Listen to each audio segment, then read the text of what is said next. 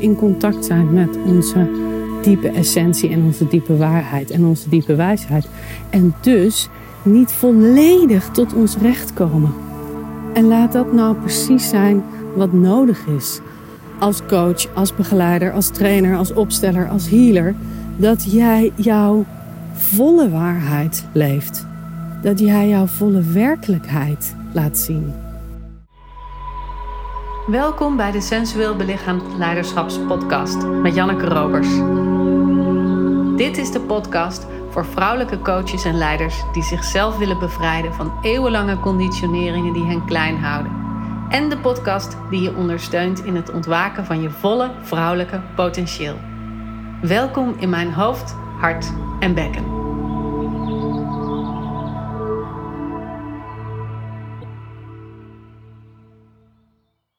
Dit is de eerste aflevering die ik weer opneem in lange, lange, lange tijd.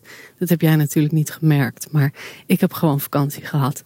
En uh, stuurde de podcast die de afgelopen weken online kwamen al ver van tevoren door naar mijn editor. En uh, voordat ik met deze aflevering begin, wilde ik even zeggen dat ik uh, ben aan het rondlopen. Ik wacht namelijk op mijn dochter die aan het zwemmen is. En dat is ook precies waar deze aflevering over gaat. Want ik moet weer aan het werk. Met moeten tussen aanhalingstekens. Ik ben natuurlijk mijn eigen baas. Maar ja, er zijn deadlines. Er gaat weer wat gebeuren. Deze podcast moet weer online komen. En de vakantie is dus op een bepaalde manier bijna afgelopen. En ik voel dat ik weer getrokken word in dat werkritme. En begrijp me niet verkeerd, ik hou ontzettend veel van mijn werk. Maar ik hou niet van werken. Dat is echt iets anders. Houden van mijn werk betekent dat ik ontzettend zin heb om te starten met mijn nieuwe Voluit Vrouw zijn groep. Er is trouwens nog één plekje. Dus als je zin hebt om mee te doen, als je voelt, ja, dit wordt het jaar waarin ik mijn vrouwelijke essentie wil ontdekken. Waarin ik wil gaan leven vanuit mijn vrouwelijke principes. Waarin ik diep wil landen in mijn bekken.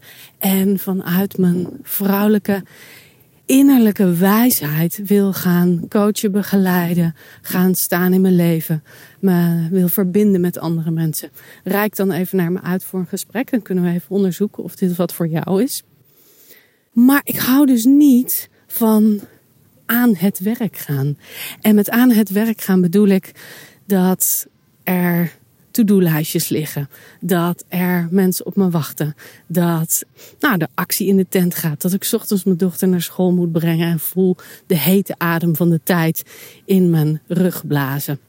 Dus ik heb echt zitten nadenken over hoe ga ik dit nu anders doen dit jaar. En dat doen we natuurlijk allemaal in zo'n zomerperiode. Voel je wel van, oh dit is heel erg lekker zo'n vakantie. En ik dij een beetje uit. Ik kom tot rust. Er is ruimte. Je loopt heel anders als je op vakantie bent. Daar heb ik het natuurlijk eerder ook al over gehad in de aflevering over wat het belangrijkste onderdeel van feminine embodiment is. En dat is sensualiteit. Dus het op en top genieten van dat wat je zintuigen je vertellen. En dat is wat je doet op vakantie. Je loopt door een nieuwe stad en je ziet andersoortige architectuur. Je laat je verrassen door het gedrag van mensen. Je loopt op marktjes en je ruikt aan verse tomaten. Dat soort dingen. Je bent heel bewust bezig met het ontdekken van nieuwe informatie die via je zintuigen naar binnen komt. Maar er gebeurt ook nog iets anders op vakantie. Of in vakantie, of je nou weggaat of niet weggaat. En dat is vertragen. Alles gaat een beetje langzamer. Je staat relaxter op, want de wekker gaat niet aan. Je neemt de tijd om naar de supermarkt te gaan. Je neemt de tijd om koffie te drinken. Er is overal tijd voor. En dat is ook wat ik de afgelopen weken heel erg heb gemerkt. Dat hoe meer tijd ik neem, hoe meer tijd er eigenlijk ook is. En dat is echt een heel bijzonder fenomeen. De lineaire tijd, dus van s ochtends vroeg tot s avonds laat, die voelt op een, een of andere manier heel anders. Hij is niet meer heel erg gestructureerd van A naar B. Met het idee van ik moet dit en dit en dit afmaken in deze korte periode. En als ik mijn to-do-lijstje af heb, dan is er natuurlijk nog wel weer een ander to-do-lijstje wat je kan doen. Nee, het voelt veel meer als: ah, waar heb ik op dit moment zin in? Wat ga ik doen omdat het me plezier brengt? Omdat mijn lijf er naartoe beweegt? Omdat het een opening biedt? Of gewoon omdat het zichzelf aanbiedt? En die beweging, die opent een heel andere ervaring van tijd. Het is alsof je dan zowel minder als meer tijd hebt. Omdat het sneller voorbij gaat de dag. Omdat je veel meer doet waarmee je diep verbonden bent. Als dat het langzamer gaat omdat er veel meer kan gebeuren in zo'n dag. En dat is wat ik mezelf gun de komende tijd om veel meer te verlangzamen in het aan het werk zijn. Dus niet in het werk zelf, want daar is natuurlijk sowieso al de verlangzaming, de beweging, de sensualiteit. Ik bedoel, dat, dat begrijp jij ook als coach of begeleider. Weet je dat als je in die rol, zeg maar, stapt, dat je dan heel goed kan intappen in je, ja, je vrouwelijke intuïtie of dat stilpunt of die innerlijke wijsheid die er is. Maar op het moment dat je in je dagelijks leven bent, of in contact met je partner of in contact met je kinderen, lijkt je dat veel sneller te verliezen. Nou, en dat is ook waar ik het hier over heb. In mijn werk kan ik super goed vertragen, kan ik super goed ruimte bieden en kan ik me overgeven aan de openheid van dat wat er gebeurt in zo'n zo'n live dag of in een begeleiding of in wat dan ook. Maar in mijn dagelijks leven heb ik het idee dat er weinig tijd is. Heb ik het idee dat ik haast moet maken. Zit ik mezelf altijd op de kop. Of niet altijd, dat is natuurlijk ook weer een groot woord. Maar nou, is er, is er, is er een druk? Kan ik een druk voelen? Laat ik het zo zeggen. Ja, en ik ga mezelf gunnen de komende maanden om eens te onderzoeken hoe het is om vanuit nog veel meer verlangzaming daarin te gaan staan. Dus vanuit verlangzaming aan het werk te gaan. En wat bedoel ik met dat ga ik mezelf gunnen? Ik ken coaches en begeleiders die zeggen van je moet vanuit een actieve vorm praten. Dat zeg ik zelf ook wel eens. En je zegt dan in dit geval: ik ga vanuit vertraging werken. Maar ik weet dat als ik dat doe op deze manier, dan zit er een soort actiegedrevenheid in. Dan zit er een mannelijke energie in. Dan zit er een moeten in. Waarvan ik weet, ah, op een gegeven moment ga ik dat niet waarmaken. En moet ik mezelf dan op de kop geven omdat het niet gelukt is? Of uh, heb ik dan gefaald? Of gaat het dan verkeerd? Weet je, dat, op zo'n punt kom je op een gegeven moment. En dat hoeft niet. Dus ik zie het echt als een experiment. Als een iets waar een opening voor is. En ik ga laten ontvouwen hoe dat gaat gebeuren. En natuurlijk heeft dat wat praktische dingen nodig. Dus als ik ga vertragen, dan gaat het eruit zien dat ik maar drie dingen op mijn to-do-lijstje zet voor een dag. Dan gaat het eruit zien dat ik ochtends mijn dochter naar school breng en dan daarna nog mijn ochtendoefeningen ga doen en pas daarna aan het werk ga.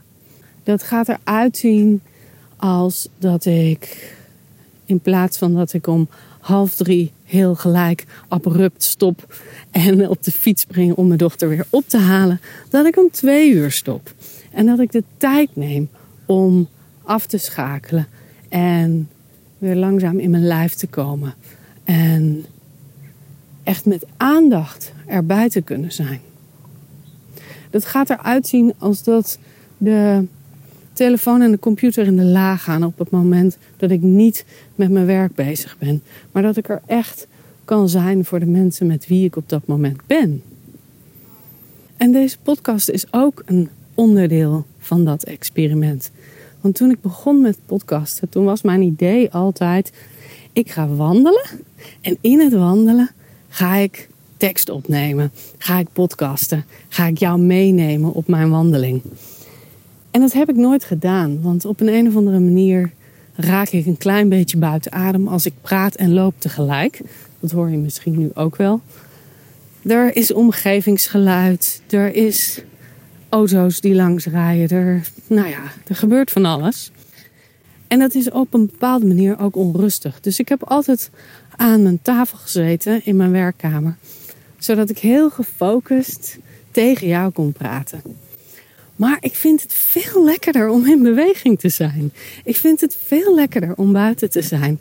En dan stroomt het ook veel meer. Dan kan ik niet op mijn computer op stop drukken. Dan moet ik gewoon doorpraten. Dan komt het helemaal uit de flow.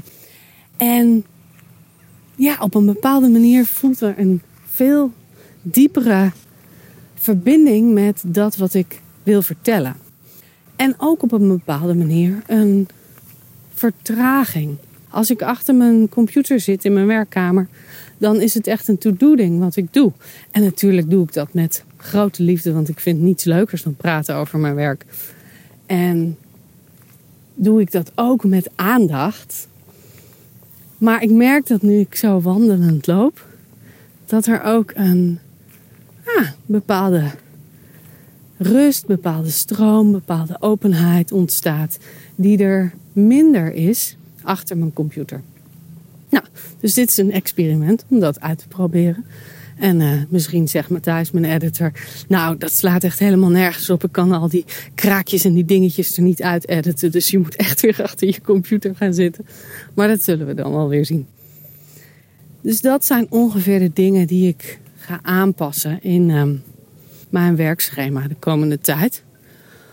Om meer de ruimte te bieden aan echt geland te zijn in mijn eigen bekken en vanuit die gelandheid mijn werk te kunnen doen. Dus niet meer dat het werk als eerste komt en het landen daarna, maar echt andersom. En dat is natuurlijk ook wat ik al jaren teach. En dan kan je misschien denken van ja, maar Janneke, waarom doe je dat dan nog niet als je dat altijd al predikt? Nou ja, we prediken natuurlijk wat we zelf ook nodig hebben. En het is niet dat ik het niet doe. Het is meer dat ik mezelf nog meer daarin kan gunnen. En hoe meer ik land, hoe meer een ander ook bij mij kan landen. Ik was van de week met um, een van mijn grote leraren. En zij vertelde dat ze een klant van mij ontmoet had. En dat hij heel erg lovend was geweest over een dag die ze bij mij had gedaan. En dat dat echt een aanjager was geweest tot allerlei nieuwe klanten, tot allerlei nieuw soort werk. Dat er een onwijze stroom op gang gekomen was. En dat was natuurlijk magisch om te horen. En aan de andere kant was het ook zo dat dat moment, ik weet dat nog heel goed, dat moment, zij masseerde een deelnemer in mijn groep. En ik zag dat ze met heel haar aandacht bij haar co-partner was in die massage. Dus ze was echt aan het zoeken en aan het voelen en aan het kijken en aan het ontdekken van waar kan ik mijn handen zetten, waar kan ik wat doen, hoe kan ik jou het beste begeleiden. En toen ging ik achter haar staan en toen legde ik een hand op haar bekken. En ik zei: Kom eens met heel je aandacht en je energie naar mijn hand toe. En dit is een dame die al heel veel ervaring heeft. Ze heeft al heel veel training gedaan. Dus ze ademde binnen een paar seconden naar mijn hand toe.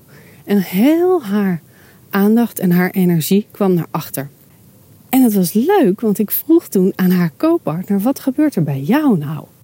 Nou, zegt ze, ik heb het gevoel alsof ik veel meer ruimte krijg onder haar handen. Alsof ik veel meer gedragen word. En alsof er veel meer aanwezigheid is waarin ik kan komen met mijn eigen proces. En dat is precies wat ik bedoelde. Dat hoe meer ik land in mijn bekken, ik Janneke dan, hè, hoe meer jij de ruimte krijgt om te komen. Hoe meer ik aanwezig ben, hoe meer jij geroepen wordt om ook aanwezig te zijn. En dat is een ongoing proces dat steeds dieper en dieper en dieper kan gaan. En natuurlijk deed ik dat al. Dus natuurlijk kon je dat op een bepaalde manier al voelen. Maar ik gun het ons allebei om daar nog dieper in te landen. En eigenlijk niet eens allebei, maar eigenlijk de hele maatschappij en de hele wereld. Want hoe verder we van ons bekken verwijderd zijn, hoe sneller we in die overdrive gaan. En dus hoe meer we de vertraging missen, hoe meer we dat vakantiegevoel als het ware missen, hoe minder we in contact zijn met onze diepe essentie en onze diepe waarheid en onze diepe wijsheid. En dus niet volledig tot ons recht komen. En laat dat nou precies zijn wat nodig is. Als coach, als begeleider, als trainer, als opsteller, als healer. Dat jij jouw volle waarheid leeft. Dat jij jouw volle werkelijkheid laat zien. Omdat je dan niet alleen een spiegel bent voor je klant, maar ook een ankerpunt. En ook een draagkracht, een draagpunt, een sokkel als het ware, waar jouw klant op kan rusten en kan oefenen om het zelf te doen. Ik ben benieuwd, wat zijn jouw dingen die je meeneemt vanuit jouw vakantie en vanuit deze zomerperiode die je gaat verwerken in je werk of in je dagelijks leven? Ik vind het leuk als je dat met me wilt delen. Je kunt me een berichtje sturen op Instagram of via de e-mail kan ook natuurlijk altijd. En als je wil kletsen, sparren, overleggen over deelname aan Voluit Vrouw zijn, dan nodig ik je van harte uit om even op de website een datum in te prikken en een tijd in te prikken om een gesprek met me te hebben. Dan kunnen we samen kijken naar hoe dit jou kan helpen of kan ondersteunen vooral om je relatie, je werk, je leven op zo'n niveau te brengen dat je het gevoel hebt van ja, hier pas ik helemaal in. Dit is hoe het bedoeld is voor mij. Want we onderzoeken de kunst van ieders eigen vrouw zijn. En dus niet mijn kunst, maar jouw kunst. Hoe kom jij het beste tot je recht? Hoe komt jouw vrouwelijke potentieel het beste tot zijn recht? En wat mag er nog meer openen in jou? Ik vind het leuk om van je te horen en uh, ook natuurlijk wat deze aflevering je heeft gebracht. En ik spreek je snel bij de volgende. Doei doei!